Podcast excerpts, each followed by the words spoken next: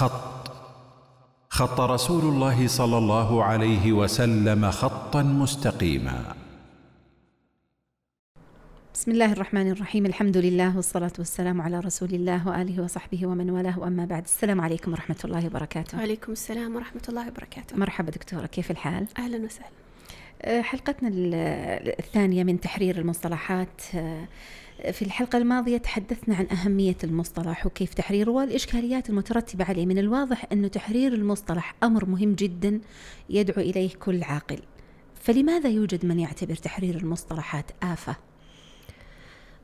الحمد لله والصلاة والسلام على رسول الله. آه، يعني حقيقة يعني مر معي من من يتكلم في هذه المسألة ويذكر أنه تحرير المصطلحات يعتبر آفة المثقفين ولا آفة طلبة العلم ونحو ذلك. وربما يرى بعض الناس أنه تحرير المصطلح والتدقيق في ذلك يعد يعني زيادة في الفلسفة وتقعر في, في الكلام وربما عده بعضهم تضيع تضيع للأوقات. وجودهم يعني مثل عدمه إن لم يكن وجوده أضر من من من عدمه. فهؤلاء يرون أنه التحرير المصطلح يعتبر كالآفة كما ذكرت التي تصيب بعض الناس خاصة المثقفين. وعند ربما أول وهلة عندما نشاهد مثل هذا الكلام ولا نسمع مثل هذا الكلام يمكن يعني نستغرب ونقول هذا الكلام غير منطقي خاصة على ضوء ما ذكرناه في الحلقة الماضية من الإشكالات التي تتولد عن أو بسبب عدم تحرير, عدم تحرير تحرير المصطلحات. لكن لعل يعني إحسانا بالظن آه، لمثل هؤلاء لعل المقصود الذي الذي يريدونه من هؤلاء هو أو يريده هؤلاء هو التكلف في توضيح الأمور الواضحة. يعني ليس المقصود به تحرير المصطلحات الغامضة أو المصطلحات التي يوجد فيها إشكال لكن التكلف في الإسهاب والتطويل والتفصيل في تفصيل في في تعريف أمور لا تحتاج إلى إلى توضيح وإلى إلى تعريف أو المبالغة في مثل ذلك في, في مثل تلك التعاريف حتى أحيانا تزيد المعرف غموضا. صح توضيح الواضحات من المشكلات كما يقال. توضيح الواضحات من من المشكلات. فهذا لا شك أنه مذموم يعني الإطالة والإسهاب في أمور واضحة. لا لا يحتاج إليها طالب العلم ولا يحتاج إليها الباحث ولا القارئ. آه، فلا يعني أتصور أنه يقصد أحد من هؤلاء أنه لا تحرر المصطلحات الغامضة لكن لعله ينصرف الكلام في في مثل هذا. على ما ذكرته من توضيح الأمور الواضحة. ولذلك يعني العبارة المشهورة وليس يصح في الأذهان آه، شيء إذا احتاج النهار إلى إلى دليل صحيح. نجد لدى المسلمين عناية ظاهرة حقيقة بالاصطلاح.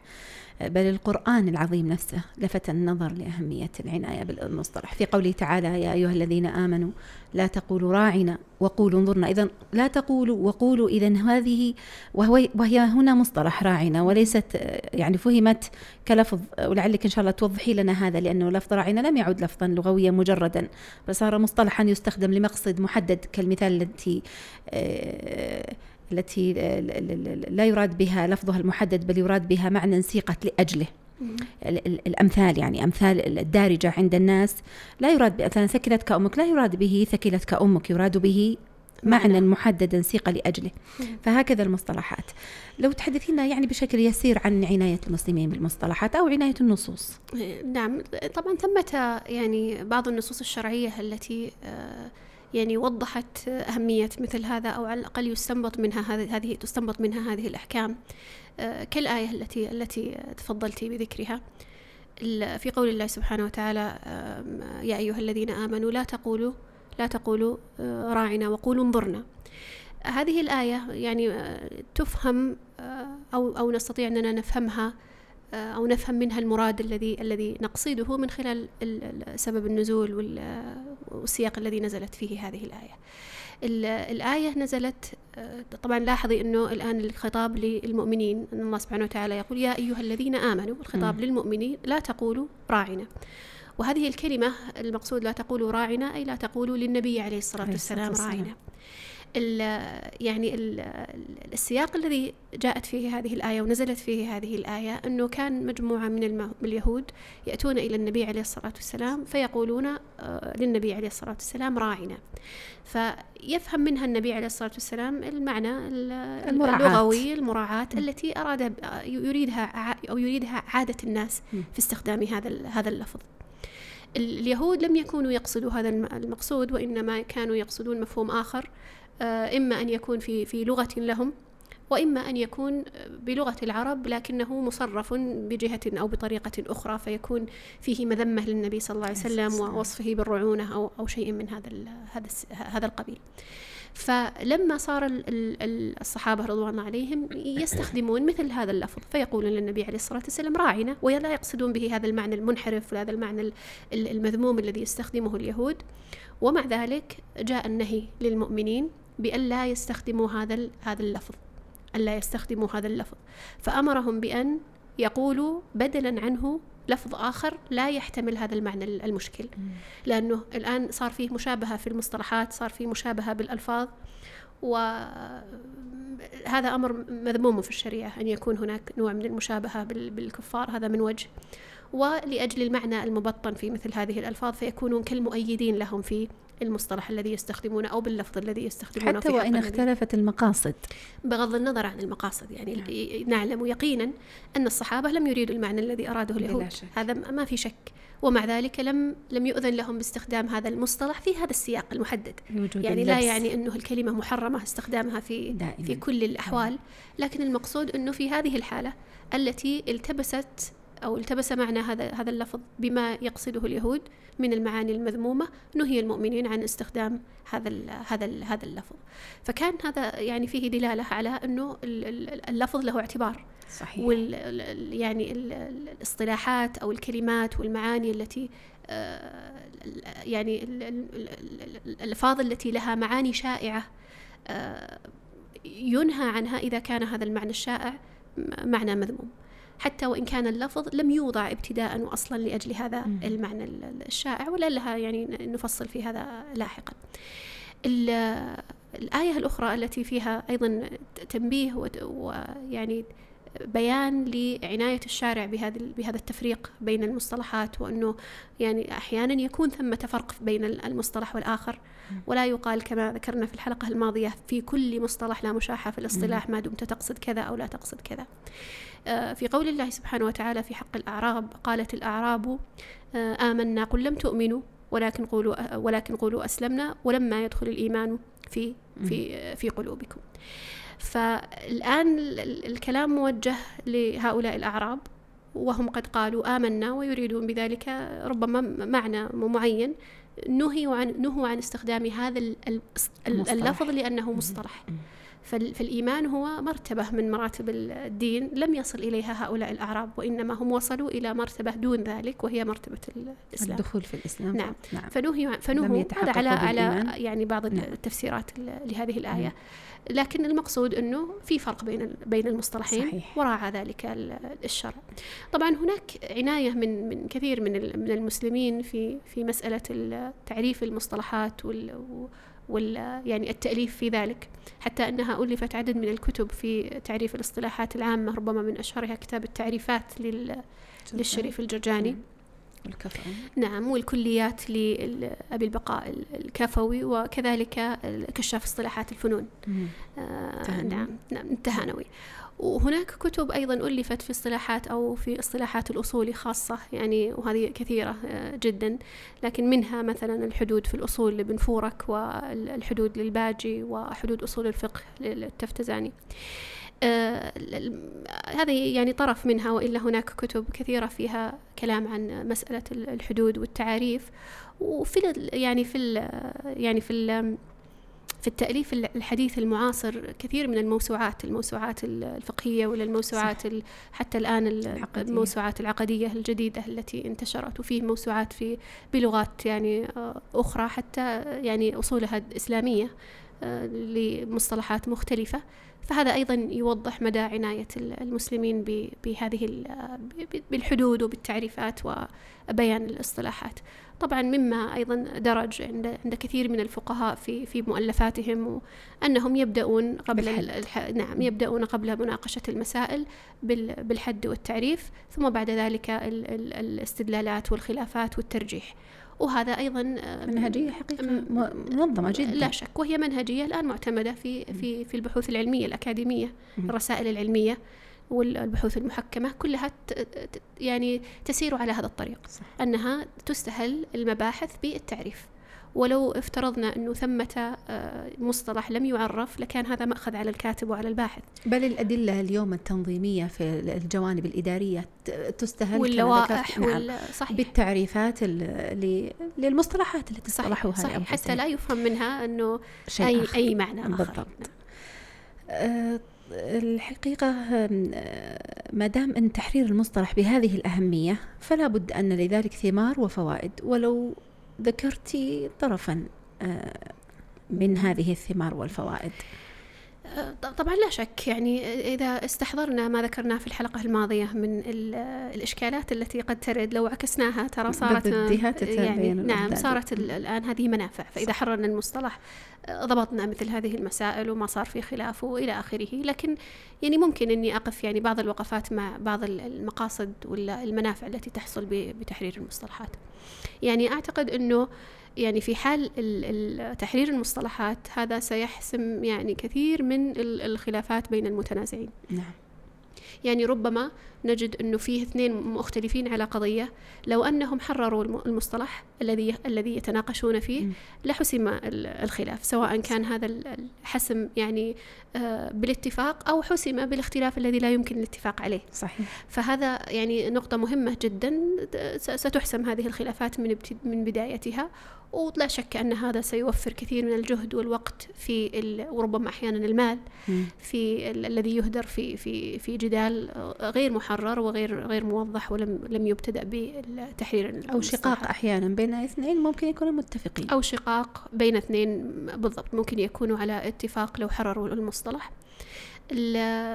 يعني فيه يعني مثال على ذلك يعني في التاريخ الإسلامي يعني لما مما يذكر عن الشافعي ويذكر عن الإمام أحمد أنه كانوا يقول أنه كان يقول ورد عن عدد من السلف أنهم كان كانوا يقولون في فيما يتعلق بالمعتزلة آه، ناظروهم بالعلم. آه، طبعا هذا ليس في مقصود التحرير المصطلح لكن المقصود به حسم الخلاف من بدايته يعني اختصار الوقت في مسألة النقاش والاختلاف وأن هذا مقصد ينبغي أن أن أن يسعى الإنسان إلى تحقيقه. لما لما يقول هؤلاء العلماء ناظروهم بالعلم المقصود بأنه يعني أنتم الآن نحن وإياهم في خلاف في باب القدر على مراتب م. القدر فيناظرون في ما موقفكم من العلم في علم الله سبحانه وتعالى بالمقادير فإذا أقروا به لذلك قاله الإمام أحمد قال فإن أقروا خصموا نعم. يعني ما إذا أقروا بالعلم فإذا كانوا يقولون بأن العلم لا يلزم منه الجبر فكذلك الكتابة وكذلك المشيئة وكذلك الخلق نعم. فما خصموا الآن سقطت حجتهم وإذا أنكروا أنكروا العلم أنكروا كفروا. أن يكون الله سبحانه وتعالى يعلم كفروا. نعم. وإذا كفروا فلا مجال للنقاش في صحيح. مسألة القدر. وانتهت المسألة. انتهت المسألة وحسم النقاش من بدايته فهذا فيه اختصار للوقت يحصل ب يتحقق أيضا عن طريق تحرير وتحرير محل النزاع وأمور كثيرة وتحرير محل بالضبط, بالضبط. يعني آه، كل هذه في غاية الأهمية لكن لأننا إحنا في في تحرير في تحرير المصطلحات فركزت على هذا الجانب. صحيح. ولا لا شك إنه في أمور كثيرة ستسهل قضية الحوار والنقاش مع آه، مع المخالفين. آه، لا شك أنه بهذا سنحقق لو أننا حررنا المصطلحات وبيناها في البداية سنحقق أكبر قدر ممكن من الأهداف والثمرات التي نريدها من الحوار. إذا كنت أنا أدخل في حوار مع الآخر وأريد أن مثلا آه، هدفي من هذا أو الثمرة التي أريد أن أصل إليها هي إقناعه مثلا. فكوني أحرر المصطلح وأبينه يختصر علي مسألة الخلافات فيما لا, لا, لا نختلف فيه ويوضح الجانب الذي نختلف فيه فأركز أنا في قضية ما ما أريد أن, أن, أن أنقله لهذا المحاور أو هذا المخالف. فهذا يكون أدعى لأن أقنع المخالف أو الخصم بما بما أريده. وفي في المقابل يعني كذلك يعني لو أني يعني حررت المصطلح وبينته ربما يعني أريد أن مثلا أبين مدى انحراف هذا هذا الخصم أو أريد أن أبين أنه على معتقد منحرف. فربما لو لم نحرر المصطلح يعني ما تبين الحكم في ذلك الشخص. يعني أعطيك على سبيل المثال لو أننا مثلا آه، شخص يتكلم عن الوعي. ويبين يعني تبنيه لهذه الفكرة وأنه الإنسان لابد أنه آه، يصل إلى مراحل من الوعي ويطلق مثل هذا المصطلح. ولو جلست أنا أتناقش معه يعني أمام يعني مجموعة لن لن يجدوا في ربما في مثل هذا الكلام بأس. نعم لأنهم يفهمونه على يفهمونه الفهم. على الفهم اللغوي الثقافة. أو الفهم ال ال يعني الاصطلاحي النفسي أو غير ذلك يعني ما ما يتصورون المفهوم مم. فإذا حررنا المصطلح وقلنا له تعال أنت الآن اشرح لي ماذا تقصد بالوعي مم. بين لي أو أنا أبين المعنى المقصود بال- بال- بالوعي ويقرني على هذا المعنى مم. فإذا أقر على أقرني على هذا المعنى أو وأنه إذا معنى مثلا إيش أنه معنى كفري بالضبط إذا كان يريد بالوعي صورة من صور عقيدة وحدة الوجود نعم. ربما يأتي تفصيل هذا في حلقات قادمة. مم. لكن كما هو متقرر في في الفلسفة الروحانية أنه الوعي يعبر به عن عن عقيدة وحدة الوجود. صح. فإذا إذا أقر بذلك الآن خلاص إيه، تبين حصل لي أنا هدف من الأهداف التي كنت أريدها وهي أن يتضح ويتبين مدى الانحراف ال- اللي يتبنى هذا الشخص المقابل. نعم. فإذا إذا حررنا المصطلحات نستطيع أننا نحقق أكبر قدر من المقاصد والثمرات التي نريدها من آه، هذا هذا ال- الحوار ومن ثم ستكون ال- الأحكام أكثر دقة أكثر دقة صحيح. أكثر دقة وأكثر إنصاف وعدل مم. فلا أحكم على شخص بشيء وهو لا يستحقه ولا أهون من الحكم على شخص أو على شيء وهو يستحق حكم أشد منه. فإذا حررنا المصطلحات وعرفنا إيش شخص كل شخص ما الذي يقصده ما الذي يبينه أو ما الذي يريده عفوا فإن هذا آه، يعني أدعى في أن تكون الأحكام أكثر دقة سواء على الأشخاص أو الأفكار أو ال- الممارسات. آه، طبعا أنا يعني في بهذه المناسبة يعني بودي أن آه، أنبه على أنه ترى في كثير من الأحيان يتعمد بعض الناس أن تكون هذه ال- ال- ال- المصطلحات غامضة. نعم. أن لا تكون. لها آه، أن لا تحرر وتبقى هكذا بلا أن أن تحرر. وهذا شيء لا شك أنه أحيانا يكون يكون مقصود لأنه تحرير المصطلح له تبعات. بالضبط. وإذا حرر المصطلح خاصة إذا كان التحرير هذا آه، سيبين مدى انحراف المفهوم والمقصود به فإنه يفضل أن يبقى هذا ال- هذا غامضاً. المصطلح غامضا عائما دون أن يلزم نفسه بالمفهوم بشكل واضح وصريح ليتقبل الناس قوله يتقبل. وليحسن الظن. فيه وإلى آخره لأنه الجماهير يعني أغلب الناس لا لا لا يستطيعون أن أن يدركوا كثير من الأبعاد الفلسفية للمصطلحات. حتى تحرر وتبين ويبين يعني تفكك كذا وت وتوضح فتتبين لهم إذا لم لم توضح بهذه الطريقة سواء من من من الشخص نفسه أو من المخالف له الناقد فإن كثير من الناس يعني يأخذونها على على ظاهرها أو على فهموا وعلى حسن الظن يعني على الإجمال وخاصة إذا كان الإنسان يلبس بآيات وأحاديث وغير. ذلك فما فيتشربون مثل هذه الأفكار تدريجيا حتى تنكشف هذه المعاني بشكل باطني متدرج تجعل الإنسان يقتنع وما حد. يستطيعون التراجع في وقت إذا يعني متأخر ك- بالضبط كثير منهم لا يعني خلاص بعد إذا, تشربها إذا تشربها الإنسان مم. ترى يصعب يعني يصعب الرجوع عنها خاصة مم. إذا تشربها بتدرج مثل الطريقة الباطنية صحيح. المعروفة قديما وحديثا في الإقناع مم. في مسألة أنه يعني يأتيه ب- ب- بطريقة فيها فيها تأنيس للإنسان وم- ومقاربة له. فيعني لا ويعني كان يعني أذكر م- مثال ذكره أحدهم من الغربيين. يعني يقول آه، لو أنك يعني وضعت الضفدع في في قدر يغلي مباشرة لا آه، يعني نط هذا ال- ال- الضفدع وخرج منه مباشرة. آه، وهذا يعني تحرير يمثل المصطلح. له يمثل له بماذا؟ بالمعنى الظاهر الواضح ال- ال- ال- مم. البين الانحراف. نعم. فأغلب الناس بينفرون منه ما يتقبلون هذا وما لن, لن تنسحب ولن تنطلي عليهم مثل هذه الدعوة مخالفة لما يعتقدونه وما يؤمنون به. يقول بخلاف لو أني وضعت هذا الضفدع في آه، قدر فيه ماء لكنه ماء دافئ. ثم بدأت أغلي. أيوة بدأت مم. أرفع درجة الحرارة تدريجيا فإنها يعني يكون عنده زي زي ال- تسكين. زي التسكين والتخدير مم. فتسكن عضلاته ويكون ما عنده. حتى يفقد القدرة على المقاومة إيه. فيحترق دون أن يستطيع المقاومة تدريجيا مم. وهذا الذي يحصل في صح. كثير من الدعوات الباطنية أنهم يأخذون هذه الطريقة التدريجية في في الإقناع والإيصال حتى. تتوطن وتتشرب ثم يصعب الانسلاخ منها ولو حرر المصطلح في البداية بالضبط. لاتضحت صحيح. آه نعم. آه بارك الله فيك. الحقيقة أنا أجدني يعني ربما والسامع وصلنا إلى بعد هذه المقدمة التأسيسية وصلنا إلى درجة من القناعة بأهمية تحرير المصطلح وأهمية المصطلحات. فما فهل هناك معايير لفهم الألفاظ والمصطلحات؟ الآن أنا أريد يعني تقعيد. نعم. إذا أردنا أن ننظر في معايير فهم الألفاظ والمصطلحات اللي يهمنا في في هذه الحلقة وفي هذه الحلقات عموما من هذا البرنامج هي المصطلحات المتعلقة بالطرح الروحاني الطرح الباطني الحديث. وإن كان الحديث ممكن أن يشمل غيرها لكنه يعني بالدرجة الأولى منصب على هذا هذا المفهوم. آه، أستطيع أني أنا أقسم المصطلحات إلى قسمين.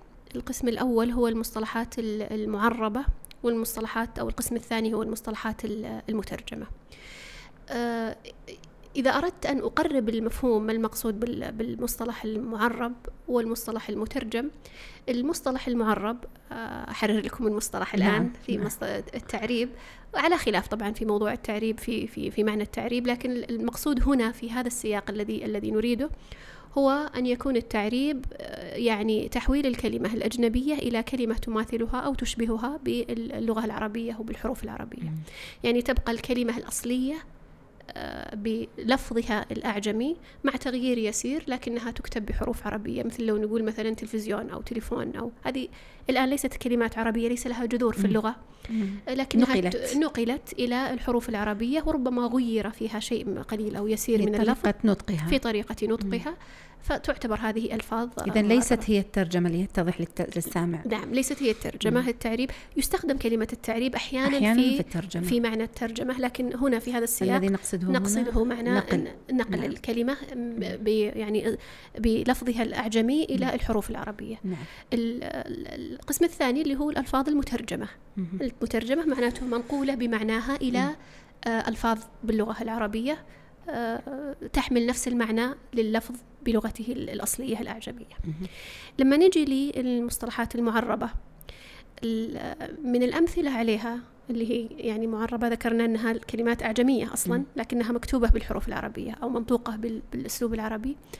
آه نأتي لكلمة مثلا يوغا أو كلمة تشاكرا أو كلمة الين واليانغ والطاو والكونداليني هذه كلها الآن كارما. كارما. مم. لو سألتك الآن قلت لك ما هو الجذر العربي لهذه الكلمات؟ ما شيء لأنها ليست عربية مم. أصلا إنما هي كلمات إما باللغة السنسكريتية ولا لغة باللغات يعني الهندية القديمة ولا باللغات الصينية ولا غيرها من اللغات الأعجمية لكنها نقلت إلى اللغة العربية آه، بهذا المفهوم. طبعا هذه المصطلحات لا شك أنه لا بد أن يؤخذ آه، تعريفها ومفهومها سواء كان مفهومها اللغوي أو كان مفهومها الاصطلاحي صح. لأنه إحنا معتادين لما نجي نعرف نعرف في اللغة والاصطلاح صح نعم ولا لا نعم. عشان تتضح الفكرة نعم. بشكل مفصل ودقيق فإذا أردنا أن نعرف هذه الكلمات سنعرفها أيضا ترى على على على واضعها كذلك نعم نعرفها على المعنى الاصطلاحي والمعنى اللغوي. لكن إذا أردنا أن نعرف بالمعنى اللغوي لابد أن نرجع إلى اللغة الأصلية التي التي وضعت بها والبيئة التي التي نشأت بها.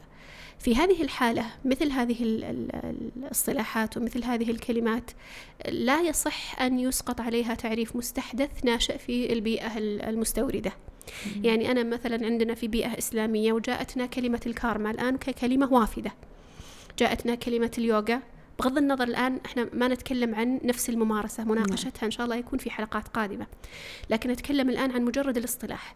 جاءنا هذا المصطلح الكارما الشاكرا الين واليان أجي أنا كمتلقي في بيئة عربية إسلامية أقول آه، يقصد مثلا بها بالين واليانج مثلا يقصد بها الزوجية. يقصد مثلا بال بال بالشاكرا كذا يقصد بالكارما الجزاء, الجزاء أو العقاب أو فأخذها من منظور آه، قد يكون له تعلق بالمعنى الأصلي من الناحية اللغوية الأصلية لكنه أنا أنا صنعت لهذا المصطلح مفهوم جديد هذا غير مقبول. أنت الآن تتعامل مع اصطلاح وافد معه معنى مقارن له وملاصق له من البيئة التي نشأ فيها صح. فليس من حقك أنت أنك تجي تقول هذا الذي أنا أقصده بها نقول إن كنت هذا الذي تقصده بها قد يخفف هذا من الحكم حكمك أنت يعني من, كفرد. من الجهة الشرعية نعم. كفرد يعني كتصرف لكنه لا يجعل هذا الأمر صحيحا سائغا نعم. أو, أو, أو مباحا استخدامك لمثل هذه المصطلحات يعني أنا أجي عليك أم يعني لو جيت أبمثلها لك وقربها لأنه دائما المفاصلة والمباينة بيننا وبين اليهود والنصارى ظاهرة لأغلب الناس.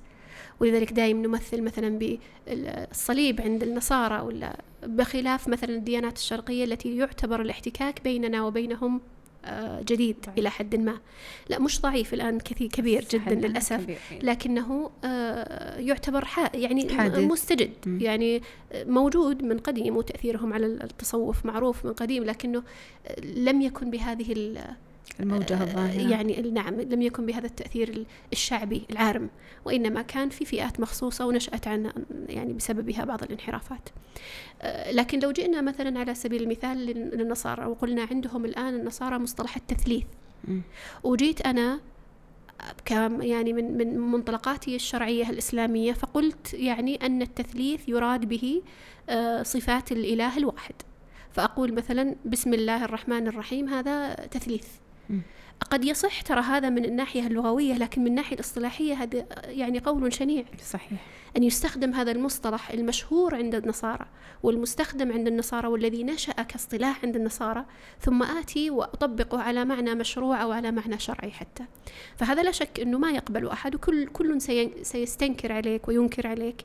مثل هذا الفعل. لإعتيادنا الاحتكاك بالضبط لأننا المفاصلة بيننا وبين النصارى واضحة, واضحة وظاهرة ويعني والكل يعلم أن مصطلح التثليث آه، آه، يحمل معاني كفرية يحمل لا شك أن الله ثلاث ثالث ثالث تعالى الله عز وجل عن ذلك. ولا يمكن أن يطبقوه على مفهوم إسلامي أو صحيح. حتى. نعم. لكن في المقابل قد يقعون هذا الموقع في الاصطلاحات الباطنية أو الشرقية صحيح. كالكارما فيفسر الكارما التي نشأت في بيئة وثنية هندوسية أو فلسفية أو نحو ذلك وهي أيضا تحمل مصطلحات إنكار البعث وإنكار الإله وإلى آخره من لا شك. المعاني صحيح. فيحملها على معاني يعني صحيحة إسلامية كالجزاء والثواب. وهذا يعني وهذا المثال الذي ذكرتيه مثال جيد ومثال واضح في في هذه المسألة. يعني لما يأتينا شخص ويقول لنا مثلا أنه الكارما هي مصطلح وافد. ما في أحد بيختلف معك ترى في أنه مصطلح وافد ولا يستطيع أحد عاقل ولا له أدنى يعني آه، قدرة بحثية أن يستنكر أنه مصدر هذا المصطلح هو الديانات الشرقية. ما أحد ما أحد يستطيع أنه ينكر هذا. ما الذي يحصل؟ يقول لك هذا المفهوم آه، هو معنى لا يتخالف مثلا مع المعاني الموجودة عندنا في الشريعة الإسلامية. أو هو معنى يعبر به بكلمة مختلفة على مفهوم أو مبدأ موجود عندنا في الشريعة الإسلامية. فيقول مثلا الكارما آه، إنما هي مجرد تعبير بلغة أخرى عن الثواب والعقاب والجزاء عندنا في الشريعة الإسلامية. كأنها ترجمة يعني بس. طبعا. م. والمبدأ موافق للشريعة الإسلامية حتى يمكن تعرفين الكتاب الذي ألف آه الكارما في الإسلام. الكارما في الإسلام. وكل الكتاب يدور حول قضية الربط بين مفاهيم الجزاء والثواب والعقاب في الشريعة والخلط بينها وبين الكارما الهندوسية. طبعا آه، أنا يعني يعني مما مما يلحظ حقيقة أنه لا يمكن ترى فصل هذه المصطلحات عن أصولها وهذه المصطلحات لا بد أن تتسرب معانيها صح. حتى وإن حاول الإنسان أنه يجردها من هذا المعنى الفلسفي الباطني الهندوسي البوذي اللي هو فيحاول قدر الإمكان أنه يقصقصها كذا ويزينها ويحطها في إطار إسلامي تخرج إلا ولا بد هذه المعاني الباطنية وهذه المعاني الفلسفية الملازمة لهذا المصطلح. والمشكلة حقيقة التي تورد على مثل هؤلاء هو أنه إذا كان المقصود بالكارما على سبيل المثال وانت ذكرتيها فجيد إننا يعني نستمر في هذا المثال. إذا كان المقصود بالكارما هو هذا المعنى الشرعي المجرد فقط لا بلا إضافة ولا زيادة ولا مخالفة ولا شيء إذا ما الفائدة من ذكر هذا المصطلح؟ صحيح. إذا لماذا تستخدم هذا المصطلح الوافد المشكل الذي هو محل جدل ونقاش على هذا المعنى الشرعي المجرد؟ يا أخي تكلم عن الثواب والعقاب بالاصطلاحات الشرعية. صحيح. وألف كتاب في كيف إنه الإنسان اذا إذا أذنب سيعاقب يعاقب عليه. لكن مما يدلك على أنه ليس هذا هو المقصود حرص هؤلاء على هذه المصطلحات. حرصهم على هذه المصطلحات وتمسكهم الشديد بها.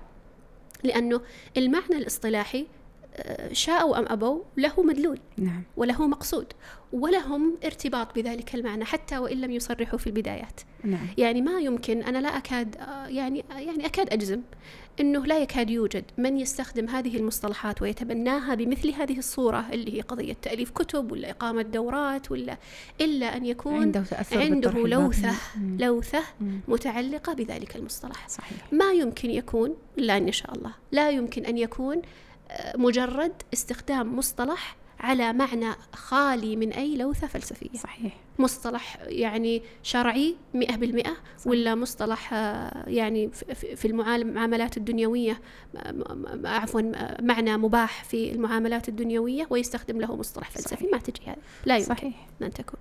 بل قد يكون هناك مفاهيم خاطئة تنسب للإسلام وثم يقولون لا يوجد تعارض. فمثلا يقول آه، يزعمون أن آه، الأفعال صدى أو أو تعود إليك والجزاء من جنس العمل. وهذا هذا يعني ليس مبدأ مقررا أصلا في الإسلام.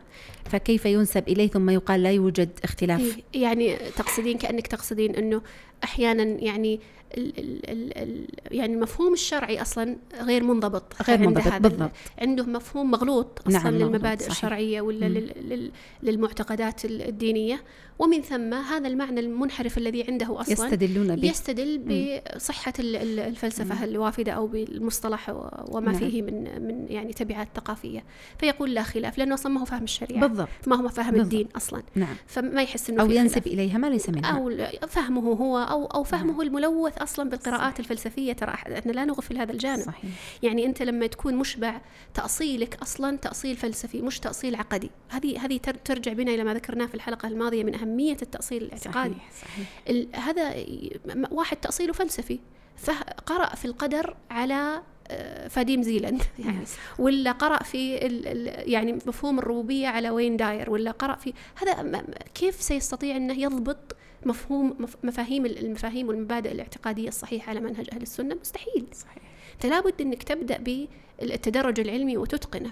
وفي نقطة مهمة جدا فيما يتعلق أيضا بهذه المصطلحات أنه ترى هذه المصطلحات واستخدامها تراها عبارة عن انعكاس للهوية صحيح فأنت لما تجي وتاخذ اصطلاحات يعني أنت تخيلي الآن لو إنه في واحد في في الهند ولا في في يعني في الصين ولا في في أي بلد من هذه البلدان الشرقية ولا حتى الغربية ويستخدم للتعبير عن مفاهيمه مصطلحات آه، مم.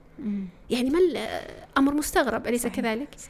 وفيه نوع من التمييع للهوية التي التي ينتسب إليها مم. وترين أنه فيه نوع من الموالاه لإيش؟ للهوية الإسلامية لا نعم. شك استخدام هذا المصطلح لما يستخدم مصطلحات شرعية ومصطلحات لما ي- لما يسمي الرب الله نعم ربما أطمع في إسلامه بالضبط مم. وأقول لا شك أن يكون متاثرا نعم. بالإسلام بلا مستحيل يسمي صح. الرب الله بهذا اللفظ العربي وهو أعجمي ولا صيني ولا هندوسي ويستخدم هذا الاصطلاح الله إلا أن يكون ثمة نوع من الارتباط ال- يعني التأثر. التأثر ال- يعني فيه فيه نوع من الارتباط ايا كان شكل هذا الارتباط بال- بالدين الإسلامي ف وال- والعكس يقال بالعكس بخلاف طبعا من يستخدمها للتلبيس يعني نقصد الاستخدام لا لا, لا شك طبعا نعم. أنا أتكلم عن استخدامها كمصطلح شائع, نعم. شائع دون دون القصد في فيما ذكرتي فإذا العكس كذلك لما يجي واحد عندنا مسلم في بيئة عربية وكل طرحه مشبع بالمصطلحات الوافدة مصطلحات آه، وهذا موضوع شرقية. طويل جدا. قضية استخدام اللغات والمصطلحات والهوية وما, وما شابه ذلك لكن في في هذا السياق آه، واضح جدا تأثر الهوية بهذه ال- الهوية العربية الهوية صحيح. الإسلامية ال- مثل هذه المصطلحات الوافدة ال- وعلى كل حال فاذا اذا لما تأتينا مصطلحات هذه لا نحتاج إننا نقف عندها ونقول ما المفهوم وما المقصود وإنت وش تقصد وش. مباشرة نقول هذه مصطلحات دينية اعتقادية مردودة. وإن, وإن نحتاج- أحسنت أحسنت وإن الظن فيها وإن فسرتها وإن بما فسرتها فسرتها. بمعنى صحيح نعم. وإن ما فسرتها حتى بمعنى شرعي مشروع. مم. فإن هذا لا يجعل استخدام هذا المصطلح صحيحا صحيحا. سائغاً. ونرجع لقول الله سبحانه وتعالى يا أيها الذين آمنوا لا تقولوا راعنا وقولوا انظرنا. صحيح. فهذا مع أنه هذا المصطلح الآن المستخدم الكلمة ما نستطيع حتى نقول إنها عادية. مصطلح يعني. راعنا كلمة لكنها فيها لبس في. معناها. في من المقصود بها صحيح فكيف يكون الأمر إذا كان مصطلح أصلا نشأ في بيئة إلحادية بيئة كفرية بيئة محملة بالمعتقدات الباطلة لا شك أن هذا آه، سيكون, سيكون أشد مشبع كذلك بهذه العقيدة ولا يمكن نعم. تصفيته آه، يعني ولعلي أختصر الحين المتبقي يمكن ما نعم. أدري يمكن ضاق علينا الوقت الآن اللي هي المصطلحات المترجمة نعم. في المقابل لأن قلنا المصطلحات والتعامل معها على قسمين قسم معربة. الألفاظ المعربة وقسم الألفاظ المترجمة نعم الألفاظ المترجمة هذه ربما تشكل إشكال أكبر في. التعامل معها يعني تحتاج إلى آه، يعني تحتاج إلى ربما عناية أكثر في مسألة الحكم عليها و يعني ال- يعني التحذير منها أو نحو ذلك ال- السبب في ذلك إنها ألفاظ نشأت في في في ذات جذور عربية ونشأت في بيئة عربية ولها معاني أصيلة قبل أن أن أن تطبق على هذا الاصطلاح أو تستخدم وتوظف لترجمة هذا الاصطلاح الفلسفي ال- الوافد. يعني أنا بعطيك على سبيل المثال لما نجي لك مصطلح مثلا الطاقة ولا نجي لمصطلح ال- الوعي ولا نجي لمصطلحات مصطلح العقل حتى. كل هذه مصطلحات موجودة أصلا عندنا في اللغة العربية لها أصول ولها استخدامات من نشأة اللغة. فهنا ال- ال- التعامل معها يختلف. ما أقدر أجي مباشرة وأقول هذا هذا اللفظ. ممنوع وهذا نعم. ال ال ال يعني هذا ال ال ال الكلام غير غير مقبول. هنا أحتاج أني أنظر إلى هذه المصطلحات في سياقها. سياقاتها. في سياقها. حتى أستطيع أني أنا أحكم عليها. اللي قبل ما يحتاج خلاص. عارفة جاية من الهندوس والبوذيين والطاوية. أصولها الاعتقادية ظاهرة فهي مردودة ابتداء. هذه الألفاظ لا تحتاج إلى تحتاج إلى تفحص تحتاج إلى نظر. فعندنا ممكن أن أفهمها بحسب السياق والسياق ممكن أن أقسمه إلى ثلاثة أقسام. القسم الأول أن يكون إيراد هذا اللفظ في سياق آه، ظاهر النقاء. يعني ظاهر أنه ما في أي إشكالية ولا لوثة فلسفية ولا دينية ولا اعتقادية.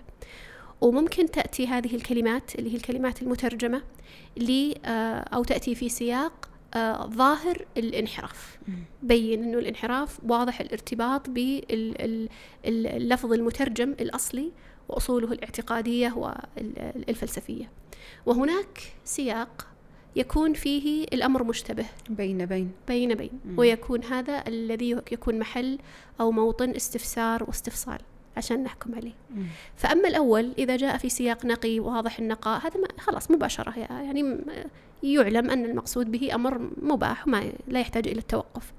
وكذلك إذا جاء في سياق واضح الانحراف وبين الانحراف فإنه يرد كما ترد المصطلحات الوافدة المعربة. المشكلة تجي في المنطقة المنطقة. هذه. اللي هي ضبابية اللي ما نستطيع أن نفهم فهذه تحتاج إلى استفصال وإلى ال- يعني استفسار ما المقصود ماذا تريد بهذا وثم يعني نستطيع أننا نصل إلى هل تستخدم هذا المصطلح أو ما تستخدمه لعله هذا يتضح يعني من خلال ال- المثال أنا لو لو قلت لك الآن ال- انقطعت الكهرباء في المدينة بسبب تعطل محطات توليد الطاقة مم. كلمة الطاقة الآن في هذا السياق. سليمة تماما. ما يفهم منها أي أبعاد فلسفية مم. ولا اعتقادية ولا واضح السياق أن المقصود بها الطاقة الكهربائية كهربائية. ولا ت...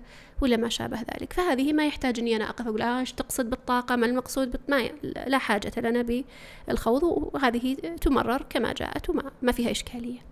السياق الثاني لما يجي أحد يقول مثلا يمكن أن أن تحصل أو يمكن تحصيل التشافي الذاتي باستمداد الطاقة من الكون عبر الشاكرات. هذه واضحة أنها فلسفية هذه واضحة أنها أنها واضحة بالقرائن. التي إن لم تكن على اليقين فهي على غلبة الظن. صح. لكن يعني هي أقرب ما تكون إلى اليقين أنه المقصود بالطاقة في هذا السياق هو الطاقة الفلسفية ال- ال- النابعة عن الاعتقادات الشرقية. فهذه يقال فيها أن يعني يحكم على هذا السياق بأنه هذا سياق منحرف أنه هذا دعوة إلى معتقد فاسد إلى آخره. بخلاف السياق الأول فلا يعني لا يتوقف عنده. الثالث اللي هو ذكرنا أنه يمكن أن يكون مشتبه هو عندما أقول مثلا أو يقول أحد أشعر أنه هذا المكان فيه طاقة سلبية. صار الحين إيش؟ يعني يحتمل كذا ما ما ما تقصد. نعم. أنا ما أدري ماذا تقصد بطاقة سلبية لأنه في هذا السياق يعني لا يوجد شيء حقيقي اسمه طاقة سلبية أستطيع أني أصرفه إليه. فهو معنى مجازي لكن وش تقصد بهذا المجاز؟ هنا أحتاج أني أنا أتوقف وأقول ما المقصود بالطاقة السلبية قبل أن أحكم على هذا السياق على هذا القائل على هذه الكلمة على هذه الجملة بأنها حق أو باطل وأنها تستنكر أو أو لا تستنكر. فأستفصل ويعني أستفسر وأستفصل في هذا السياق. وتفصيل الموضوع طبعا في كلام الطاقة يطول يعني أنا ما ودي إني يعني لكن إنما سقت هذه هذه المسألة لأجل أن يعني نبين إنه مراتب ال ال نعم أن السياق معتبر في في مثل هذا. هذا في المترجم. هذا في المترجم نعم. بالضبط وفي نقطة مهمة جدا. إنه يعني في مثل هذا السياق لو افترضنا إنه الشخص اللي يستخدم يقول مثلا آه أنا آه أشعر بطاقة سلبية. فلما استفصلت أنا من من القائل قال لي والله لا أقصد بها إلا شعور مثلا الضيق ولا الكتمة ولا ما في هواء ولا ما في نور ولا لا بأس ترى من إني أنا أوجهه بعدم استخدام هذا اللفظ صح. لأنه هذا اللفظ مشكل وهذا ملبس. اللفظ ملبس وهو لفظ مجمل والنهي عن المصطلحات المجملة يعني معروف عند تكلم فيه كثير من العلماء في المصطلحات التي تحتمل معنى حق ومعنى باطل وأنها تترك هذه الألفاظ إلى معنى لا يحتمل إلى إلى مصطلح لا يحتمل أو لفظ لا يحتمل هذا المعنى الباطل. فما في إشكالية ولا في بأس إني أنا آه لكن طبعا التوجيه يكون برفق يعني لا لا يكون استنكار لأنه ما ما كان يقصد معنى باطل يعني يعني ما يقصد معنى حق. لكن يوجه إلى أنه يترك هذا المصطلح لمصطلح أو للفظ سالم. سالم من هذه الشوائب حتى لا يعني يتهم والنبي عليه الصلاة والسلام يعني قال على رسلكما إنها صفية فدفع عن نفسه الشبهة وهو من هو عليه الصلاة والسلام؟ فكيف نحن نستخدم مثل هذه المصطلحات التي قد ما هي بس في مسألة الأعراض والأخلاق بل في العقائد التي هي أشد صحيح. أشد من ذلك. فاستخدام لا شك المصطلحات. لما يقول لنا المعنى الطاقة معنى فلسفي ولا ما عاد هنا هذا له يعني له نهي آخر. موقف آخر ونقاش آخر. وحلقة أخرى ربما نعم الله. يبارك فيك. شكر الله لك وأحسن الله إليك. الحقيقة حلقة يعني أنا أجدها كافية وافية ومشبعة بالمعلومات القيمة. آه، جزاك الله خير عنا يا دكتورة. أستودعكم الله الذي لا تضيع ودائعه. السلام عليكم ورحمة الله وبركاته.